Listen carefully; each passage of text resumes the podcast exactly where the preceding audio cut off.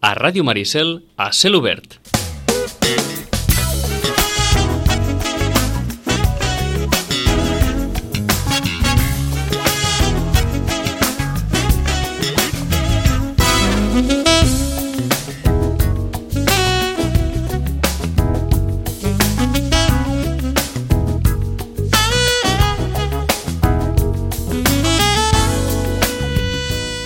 Uh, Rosana Lluc, bon dia.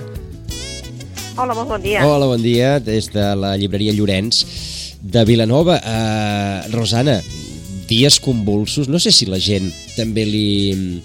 Di, uh, amb setmanes així li desperta l'interès per lectures específiques, jo què sé, relacionades amb la història, amb la política...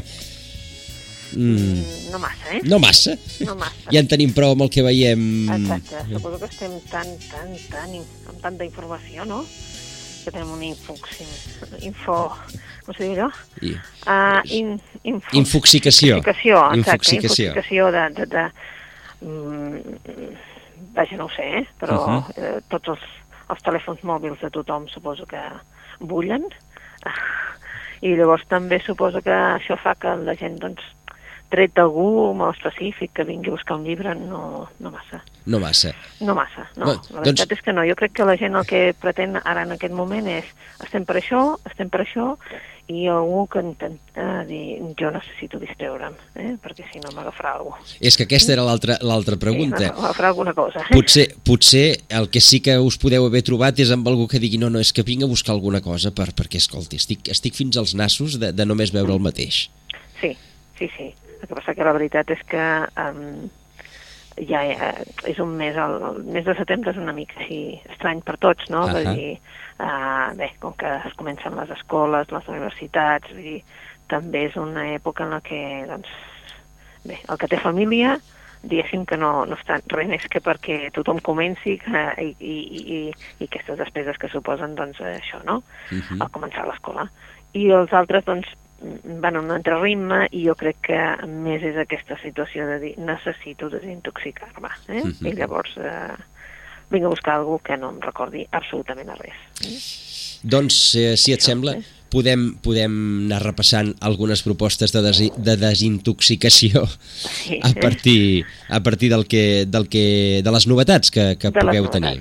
Mhm. Mira, doncs, eh, aprofitant que fa uns dies, només fa uns dies, que hi havia la Setmana del Llibre en català, eh, va venir el Paul Auster eh, a la Setmana del Llibre en català, Mhm. aprofitant que, doncs, que venia aquí a, a Catalunya a fer promoció del seu llibre, doncs eh, es va aprofitar la Setmana del Llibre en català perquè es fes una, una xerrada amb el Paul Auster, no? I bé, aprofitant això també, hi ha hagut l'editorial Angle que, eh, i editorial Navona Gràfica que han, reeditat, ens han editat, a part de, de la novel·la del Paul Auster, que això està a totes les taules, les anteriors també, etc etc. doncs una que és la novel·la gràfica, una novel·la gràfica de la primera de la primera novel·la, vale? que és la trilogia de Nova York, que es diu Ciutat de Vidre.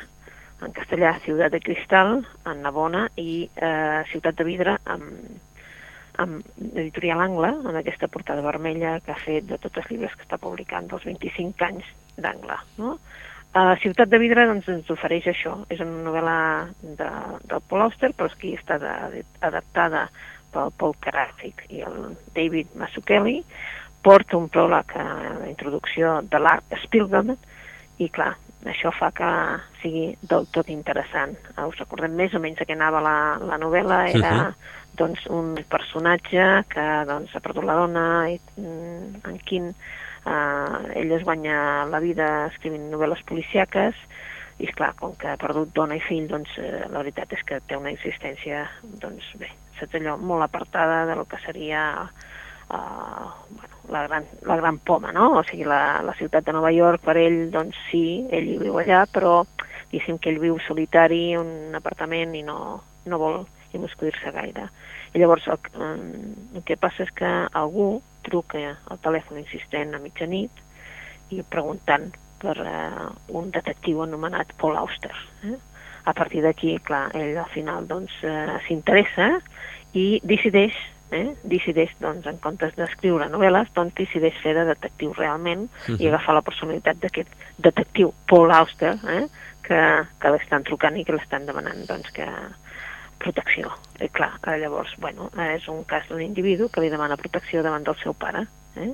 que és un senyor amb un passat i, i un present com a molt fosc, i llavors aquest doncs, s'hi miscueix. Aquí tenim la ciutat de vidre, eh, per aquells que doncs, diguin, bueno, necessito distreure'm, i la gràcia d'això és que tu pots emportar a tot arreu, perquè com que és una novel·la gràfica, vol dir que estàs llegint eh, les vinyetes i t'entretens moltíssim. És un, una, una proposta diferent. Eh? Eh, una novel·la gràfica és com si fos un còmic. Exacte, sí, Mhm. sí, sí, sí. Sí, sí, és com si fos un còmic. Eh? Uh, Quina- passa que en, en aquest cas uh, la novel·la gràfica en aquest cas eh, és en blanc i negre Mhm. eh? i sí eh, i ve normalment arran d'una novel·la Quina, quina feinada eh, traspassar el que és una novel·la amb tota la seva complexitat a còmic.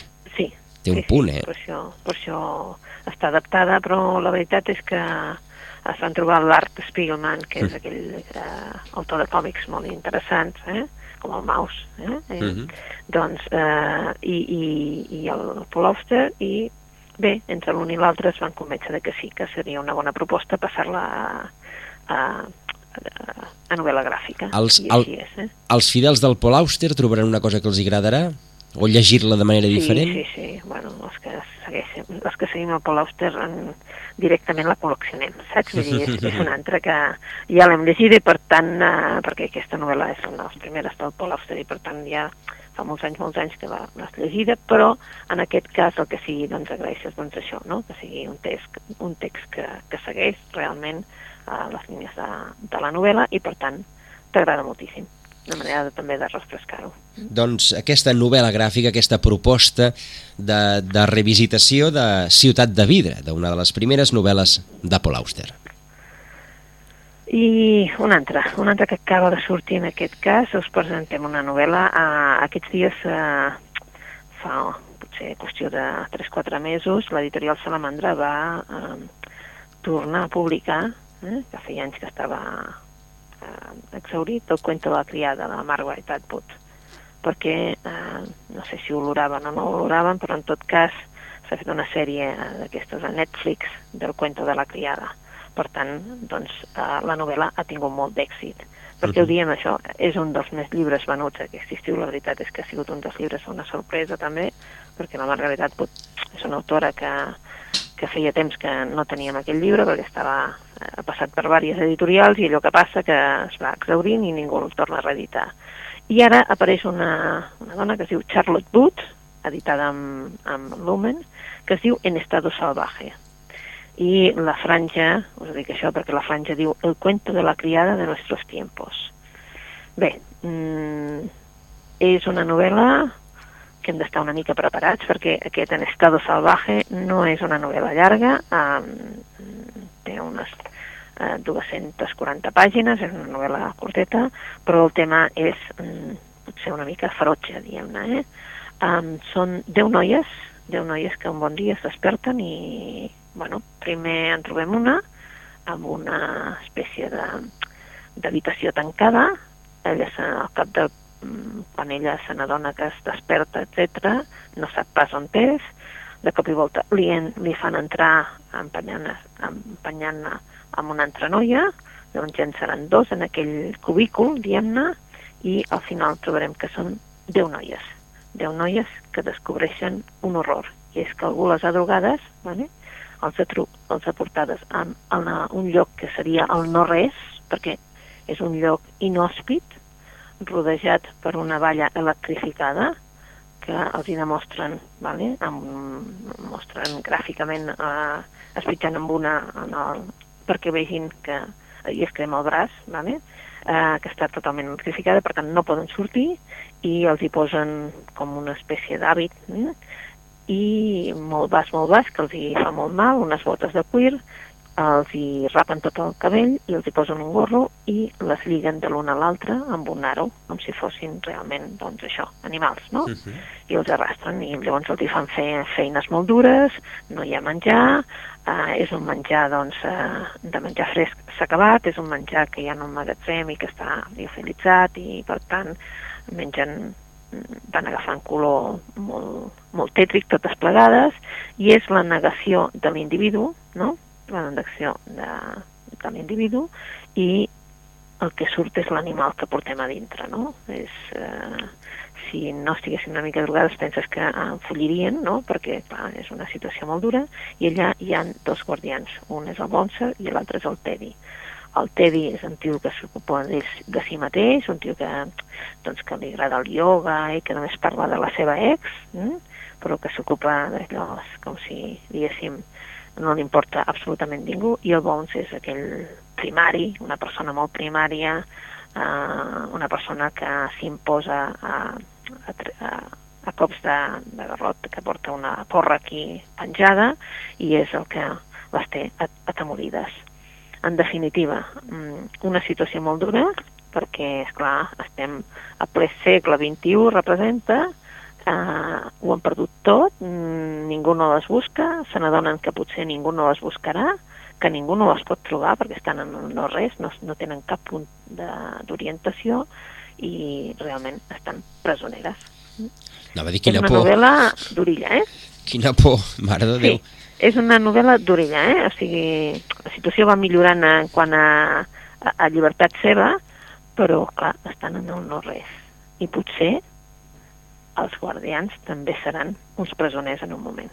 Vull dir, és un, una novel·la d'aquelles eh, que ell diu que recorda el cuento de la criada, però jo diria que encara és més dura que el cuento de la criada, eh? perquè ja no hi havia aquest, aquest estat així, perquè aquest es diu en estado salvaje i s'ho diu per això. Eh? No hi ha sortida. No hi ha sortida. No hi ha sortida. Eh? Déu-n'hi-do.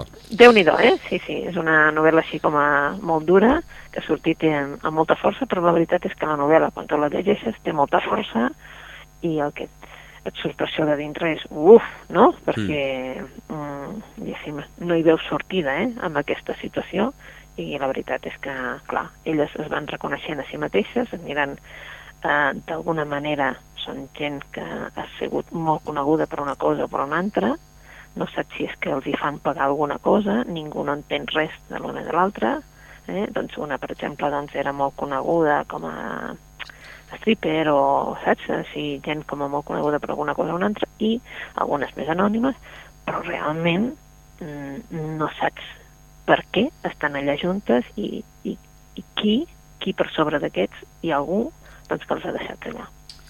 Doncs en Estado Salvaje, eh? de la Charlotte Wood, sí. que una pertorbadora eh, mirada, sí. doncs allò, sobre unes dones captives. Exacte.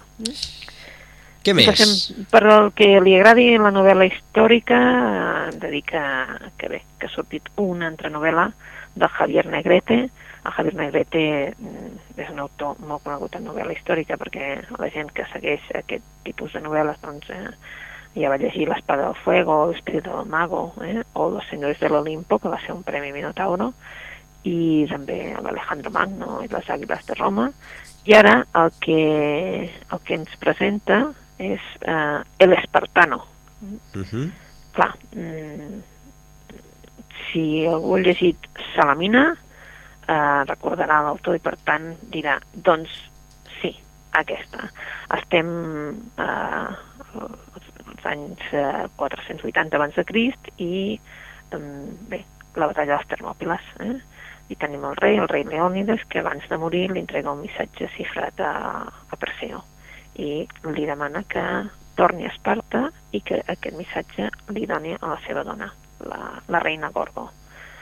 Uh, I llavors la pregunta seria i per què el Perseo, que és el millor oficial, que és la, el guerrer més, uh, més bo, uh, vol que abandoni la ciutat, que abandoni la batalla i, i, i, i se'n vagi i que la llei espartana la, el que prohibia realment era retirar-se o rendir-se Bé, um, aquesta és la història doncs, de, de Perseo, el fill del rei de Marato. Eh? Uh -huh.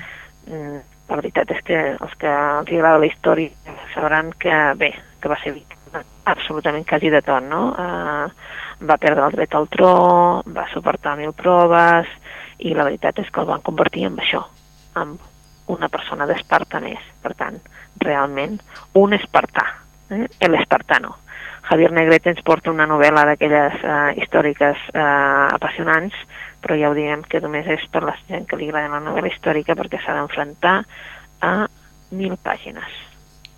Ostres. El mateix té 999 pàgines. Eh? D'aquelles, diguéssim, per posar-hi, eh, per posar-s'hi allò de dir, va, vaig a disfrutar d'una bona novel·la històrica i aquesta és la, el moment. Déu-n'hi-do, una Sí, novel·la però- històrica... Eh, feix... mm, Anava a dir feixuga, no, probablement, oi? Eh, No, Déu- no, feixuga no ho és, no, no. És que saps què passa? Que la gent que li agrada la novel·la històrica ja està acostumada a volums importants, diguéssim, no? Vull dir que són, són novel·les llargues, eh? Però en aquest cas potser doncs, els editors no s'han atrevit ni a fer-la amb tapa dura perquè és que, esclar, llavors ja hauria semblat com a molt més grossa encara, saps? Haguessin hagut de regalar el carrito. Sí, sí, exacte, exacte, eh? unes rodetes per anar-la portant de cap aquí cap allà, i això és el que, que fa doncs, que la novel·la de seguida es vegi, i clar, que parli d'Esparta, doncs, eh, i de Perseo i tal, doncs eh, realment és un, un títol atractiu.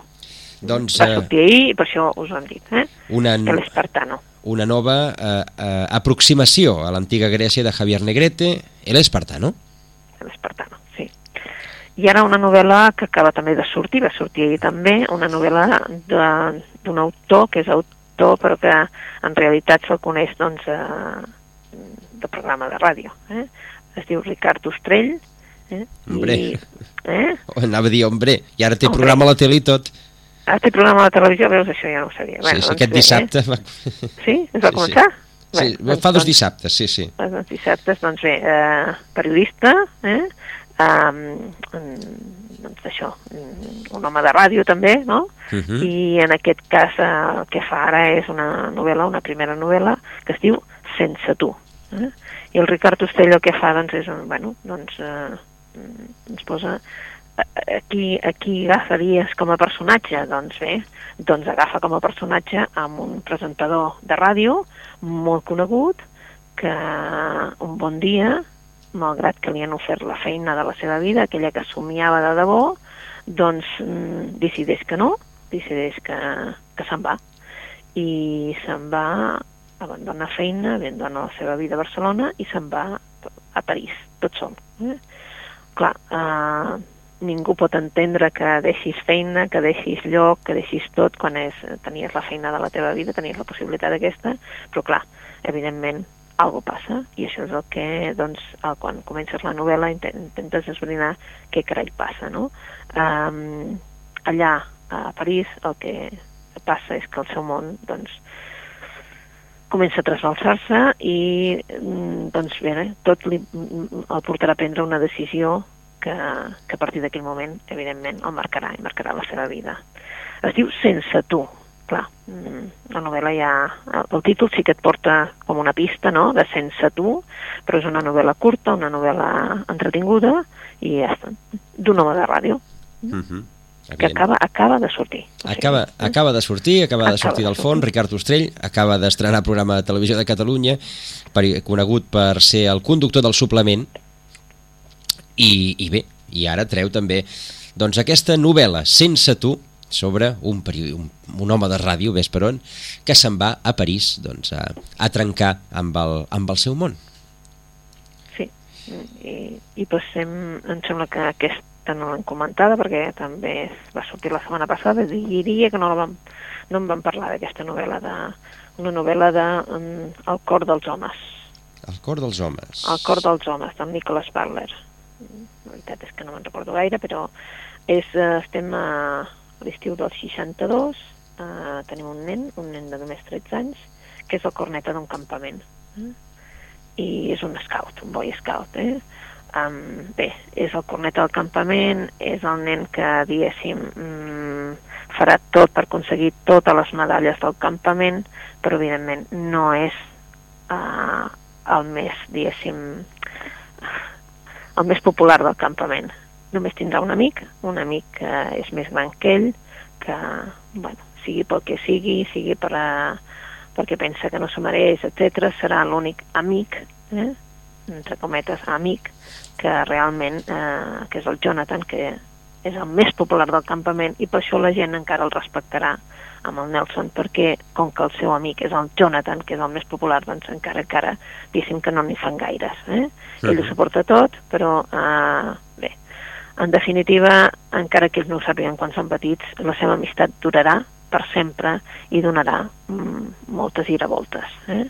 Uh, el Nelson serà un, un nano que, doncs, que, que no ho tindrà gairebé al començament, els seus pares se separen, ell es queda amb la mare, la mare és una dona doncs, que no supera mai la, la separació del seu pare, que el seu, que el seu marit la deixi, aquest nano doncs, creixerà una mica a, a, a, a pota coixa, diguéssim, perquè, és clar el seu pare representa que no se n'ocupa d'ell mai més, de tant en tant li envia alguna cosa, però diguem-ne que té aquella falta de pare tota la vida. Eh? Uh -huh.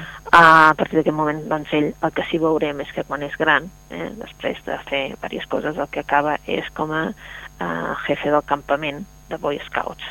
Eh? I a partir d'aquí també veurem que doncs, eh, hi haurà aquest sentit de l'amistat, de la traïció, eh, del fer bé les coses, de com pot ajudar amb els altres, que surt a la novel·la aquest sentit d'amistat entre homes perquè el Jonathan i el Nelson no deixaran mai de tenir contacte.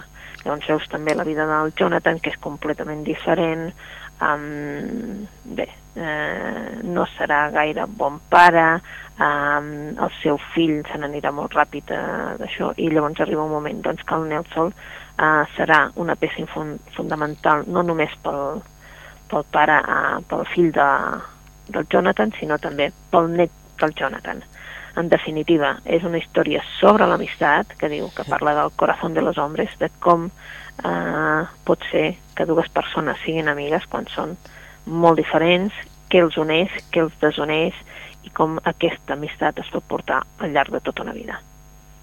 Doncs el cor dels homes eh, de Nicholas Butler, aquesta eh, història sobre l'amistat al llarg de les generacions, Exacte, podríem dir. de dues generacions, sí. Eh? Doncs una altra de les propostes que ens porta avui la Rosana. Sí, uh -huh. i després tenim una, una novel·leta molt curta, molt curta, eh, en el que, bueno, tenim, eh, que és una petita joia, que és tota una vida. Però em sembla que aquesta, no sé si us la vaig comentar, i llavors ara estic una mica dubtosa. En tot cas, és una cosa perquè tingueu en compte, és molt curteta, un nen que arriba a l'Andreas, que arriba a un poble dels Alps, no tenim referències de, de data, um, bé, l'han abandonat allà perquè la seva mare no, no se'n podia fer càrrec, um, es va morir, llavors, uh, bé, el, el tiet, diguéssim, uh, l'agafa, no? però, clar, eh, el seu tiet el que el necessita és un burro de càrrega, com si diguéssim, no? Uh -huh. I això és el que fa. Eh? Mm, hi ha molta muntanya, hi ha molta vall, però hi ha molta feina, i ell l'únic que serà és una manera de, de, de fer, com si diguéssim, una bèstia de càrrega de, del camp. Eh? Um, bé, allà hi ha neu, hi ha, hi ha natura salvatge, mm, però l'Andreas de mica en mica anirà creixent, de mica en mica anirà creixent fins que es plantarà davant del seu oncle i decidirà fer una altra vida. Um, bé, haurà d'anar-se adaptant a una vida més normal, a una vida uh, en el que mm, no només li, don, li donguin un plat de menjar, sinó que pugui tenir altres coses i en aquell poble també apareixerà doncs, uh, la construcció del telefèric, que suposarà feina, també molta gent, turisme, i llavors el que ell veurà una mica és, eh, diguéssim, el seu paisatge completament eh, mudat. També perquè hi haurà una persona que serà la que doncs, li, diguéssim, li mourà el cor eh, en el sentit de que s'enamorarà d'algú, eh? però en definitiva el que veurem és una persona que es passarà els dies allà i arribarà als, als anys, eh, diguéssim, quan sigui gran, que ja tindrà més de 80, i el que fa és que ell continua allà, anclat a la natura, mirant el paisatge i decidint que res no es pot moure. És una faula, eh, una faula que és mm, d'aquelles boniques, que parla de l'amor a la natura i també del difícil que és viure en aquest àmbit. Doncs eh, interessant, aquesta, aquesta petita novel·la, segons ens has Sí. comentat, eh, Tota una vida, de eh, Robert Sidhaller, eh, doncs d'això, de, de tornar a la natura i de, i de, i de l'amor a, la, a, a la natura. Mhm. I en tenim un altre, si tenim temps per una, sí, un altre. encara sí. En- Sí? Doncs vinga. Eh, doncs tenim una nova novel·la del Víctor de l'Árbol.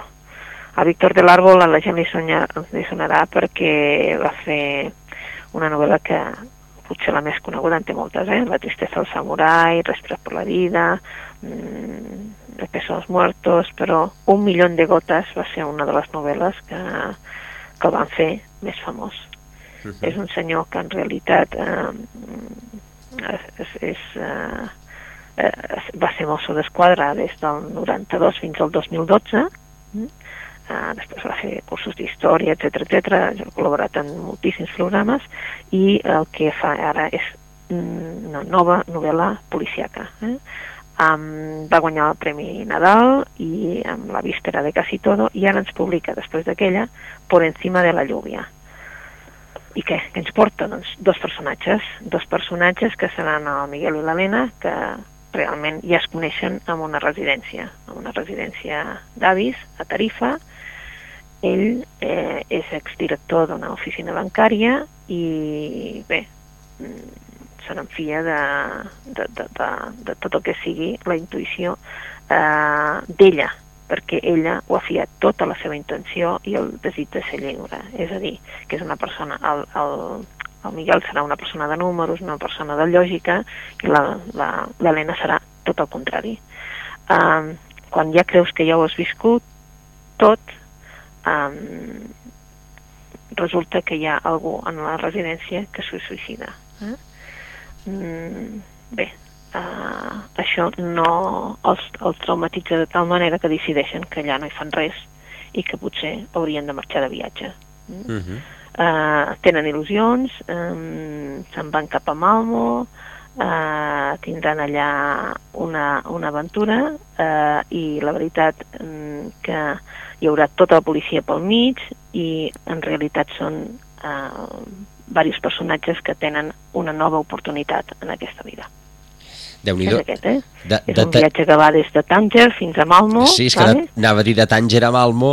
Sí, sí, sí, sí, sí. Doncs eh, saps allò que dius, bueno, eh, Déu-n'hi-do, no? Uh -huh. Però la veritat és que és un, un, la metàfora d'un viatge d'aquest, de, del viatge que és la vida i de que sempre hem de tenir les maletes preparades per fer una, una altra, no? Això és el que ens vol dir, suposo. Eh? És, um, és una novel·la que és molt diferent de les altres perquè, diguéssim, no hi ha aquell novel·la policiaca com a tal, però sí que hi ha doncs, aquesta intriga, hi ha uns personatges eh, eh, perquè, eh, que parlen de, del, del valor de, del records, de, del sentiment de, dels sentiments, del que vol dir estimar, etc etc. És una història sobre el valor de viure dia a dia. Uh -huh. A més, és una novel·la policiapa que, que, que acaba a Malmo i, i Suècia no deixa de ser un dels punts eh, Sí, vitals però- de, de, la, de les novel·les policiaques nòrdiques, és a dir, que Sí, anem, anem des d'aquí a buscar-les cap allà. Exacte, sí, però en realitat no seria una novel·la policiaca normal, diguéssim, saps? De les que, de les que, eh, de les que estem acostumats, ni, ni de les que ell escriu, per exemple, no? Mhm. Ha escrit una novel·la completament diferent, però bé, eh? això és el que ens agrada també dels autors, que ens sorprenen en cada, en cada novel·la. Eh? Per tant, Víctor, Víctor de l'Àrbol, eh, que fa aquesta proposta diferent per la gent que, que el pugui seguir, que qui pugui estar acostumat doncs, a llegir-lo amb aquest Por encima de la lluvia, amb aquest eh, llarg viatge de dues persones grans que decideixen marxar des de Tànger fins a, fins a això, fins al nord d'Europa, doncs perseguint, perseguint algun, algun qui altre, qui altre somni. Una més, va, l'última. Una més, eh, la que surt eh, avui mateix, que es diu Los fabulosos Frank. Los fabulosos Frank. Los fabulosos Frank, sí. Uh, aquesta, Los fabulosos Frank, és una aposta de- d'aliança de, del Michael Frank. El Michael Frank és un crític de llibres de Los Angeles eh? i la veritat és que hi ha un munt de... i realment es, ell escriu per antologies de textos, d'assajos... Eh? Bé, és un, és un autor que es mou entre Nova York i uh, Itàlia. Vale? I aquesta és eh, una espècie d'autobiografia de la família. Eh? Uh -huh. Una autobiografia novel·lada en el que el Michael doncs, eh, doncs ens explica aquest, los fabulosos Frank, que són tota la família, doncs, eh, els seus anys en el ser d'aquesta família. Eh, una família de guionistes de Hollywood. Eh? Hi ha una, la tieta, la tieta Hanky, que fa que tots els membres d'aquesta família se sometin al, al que ella dicta i llavors el que fa és que el Michael vale, uh, se'l fa seu, diguéssim, preocupar-se de la seva educació i el que la tieta decideix és la um, educa al Michael i per tant uh, uh, fa mirar les coses d'una altra manera fins que troba que el Michael ja pot tirar endavant i mirar per si mateix. És una biografia novel·lada molt amena, mm, saps allò que dius, bueno, és que no els coneixem eh, eh, absolutament de res, però en canvi és d'aquelles novel·les que, que és una autobiografia que es pot llegir, que és, que, com, és una novel·la, i per tant, malgrat que saps que els personatges són reals, tot el més és ficció i està molt bé. Doncs aquesta eh, autobiografia de, de Michael Frank, Los Fabulosos Frank, que no, eh, ja, dona, ja no dona la, amb aquest títol ja dona tota la impressió de tractar-se o d'estar davant d'una família peculiar. Sí, molt peculiar, la veritat és que molt peculiar, la veritat és que, clar, com que relata uns anys a Nova York i una família, doncs, no, molt marcada per, per una persona que seria la tieta, en comptes de ser, doncs, els pares és la tieta la que marca, uh -huh. eh, i, i la veritat és que, clar, són guionistes i això fa també que sigui una família molt peculiar. doncs eh, aquest repàs que, que començàvem amb la, amb la Rosana per aquesta novel·la gràfica de la Ciutat de Vidre, d'una de les primeres obres de Paul Auster, que continuava amb, amb doncs, un, una d'aquelles de, de fins a fort, eh?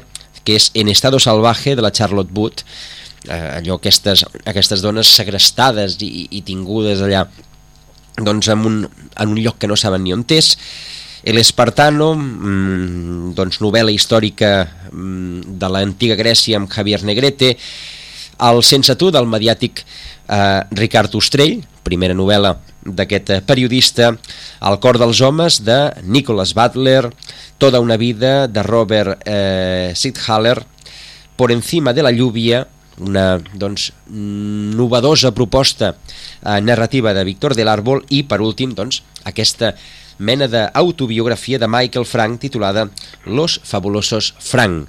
Són les propostes per aquesta setmana convulsa, oi? Si volen, oi que no hem pensat en res durant aquests, aquesta mitjoreta llarga? Doncs això. Els, els llibres a vegades també serveixen per evadir-se de, la, de, la, de la realitat. Rosana, moltes gràcies de nou. Moltes gràcies a vosaltres. I bona, bona lectura. lectura. I bona lectura.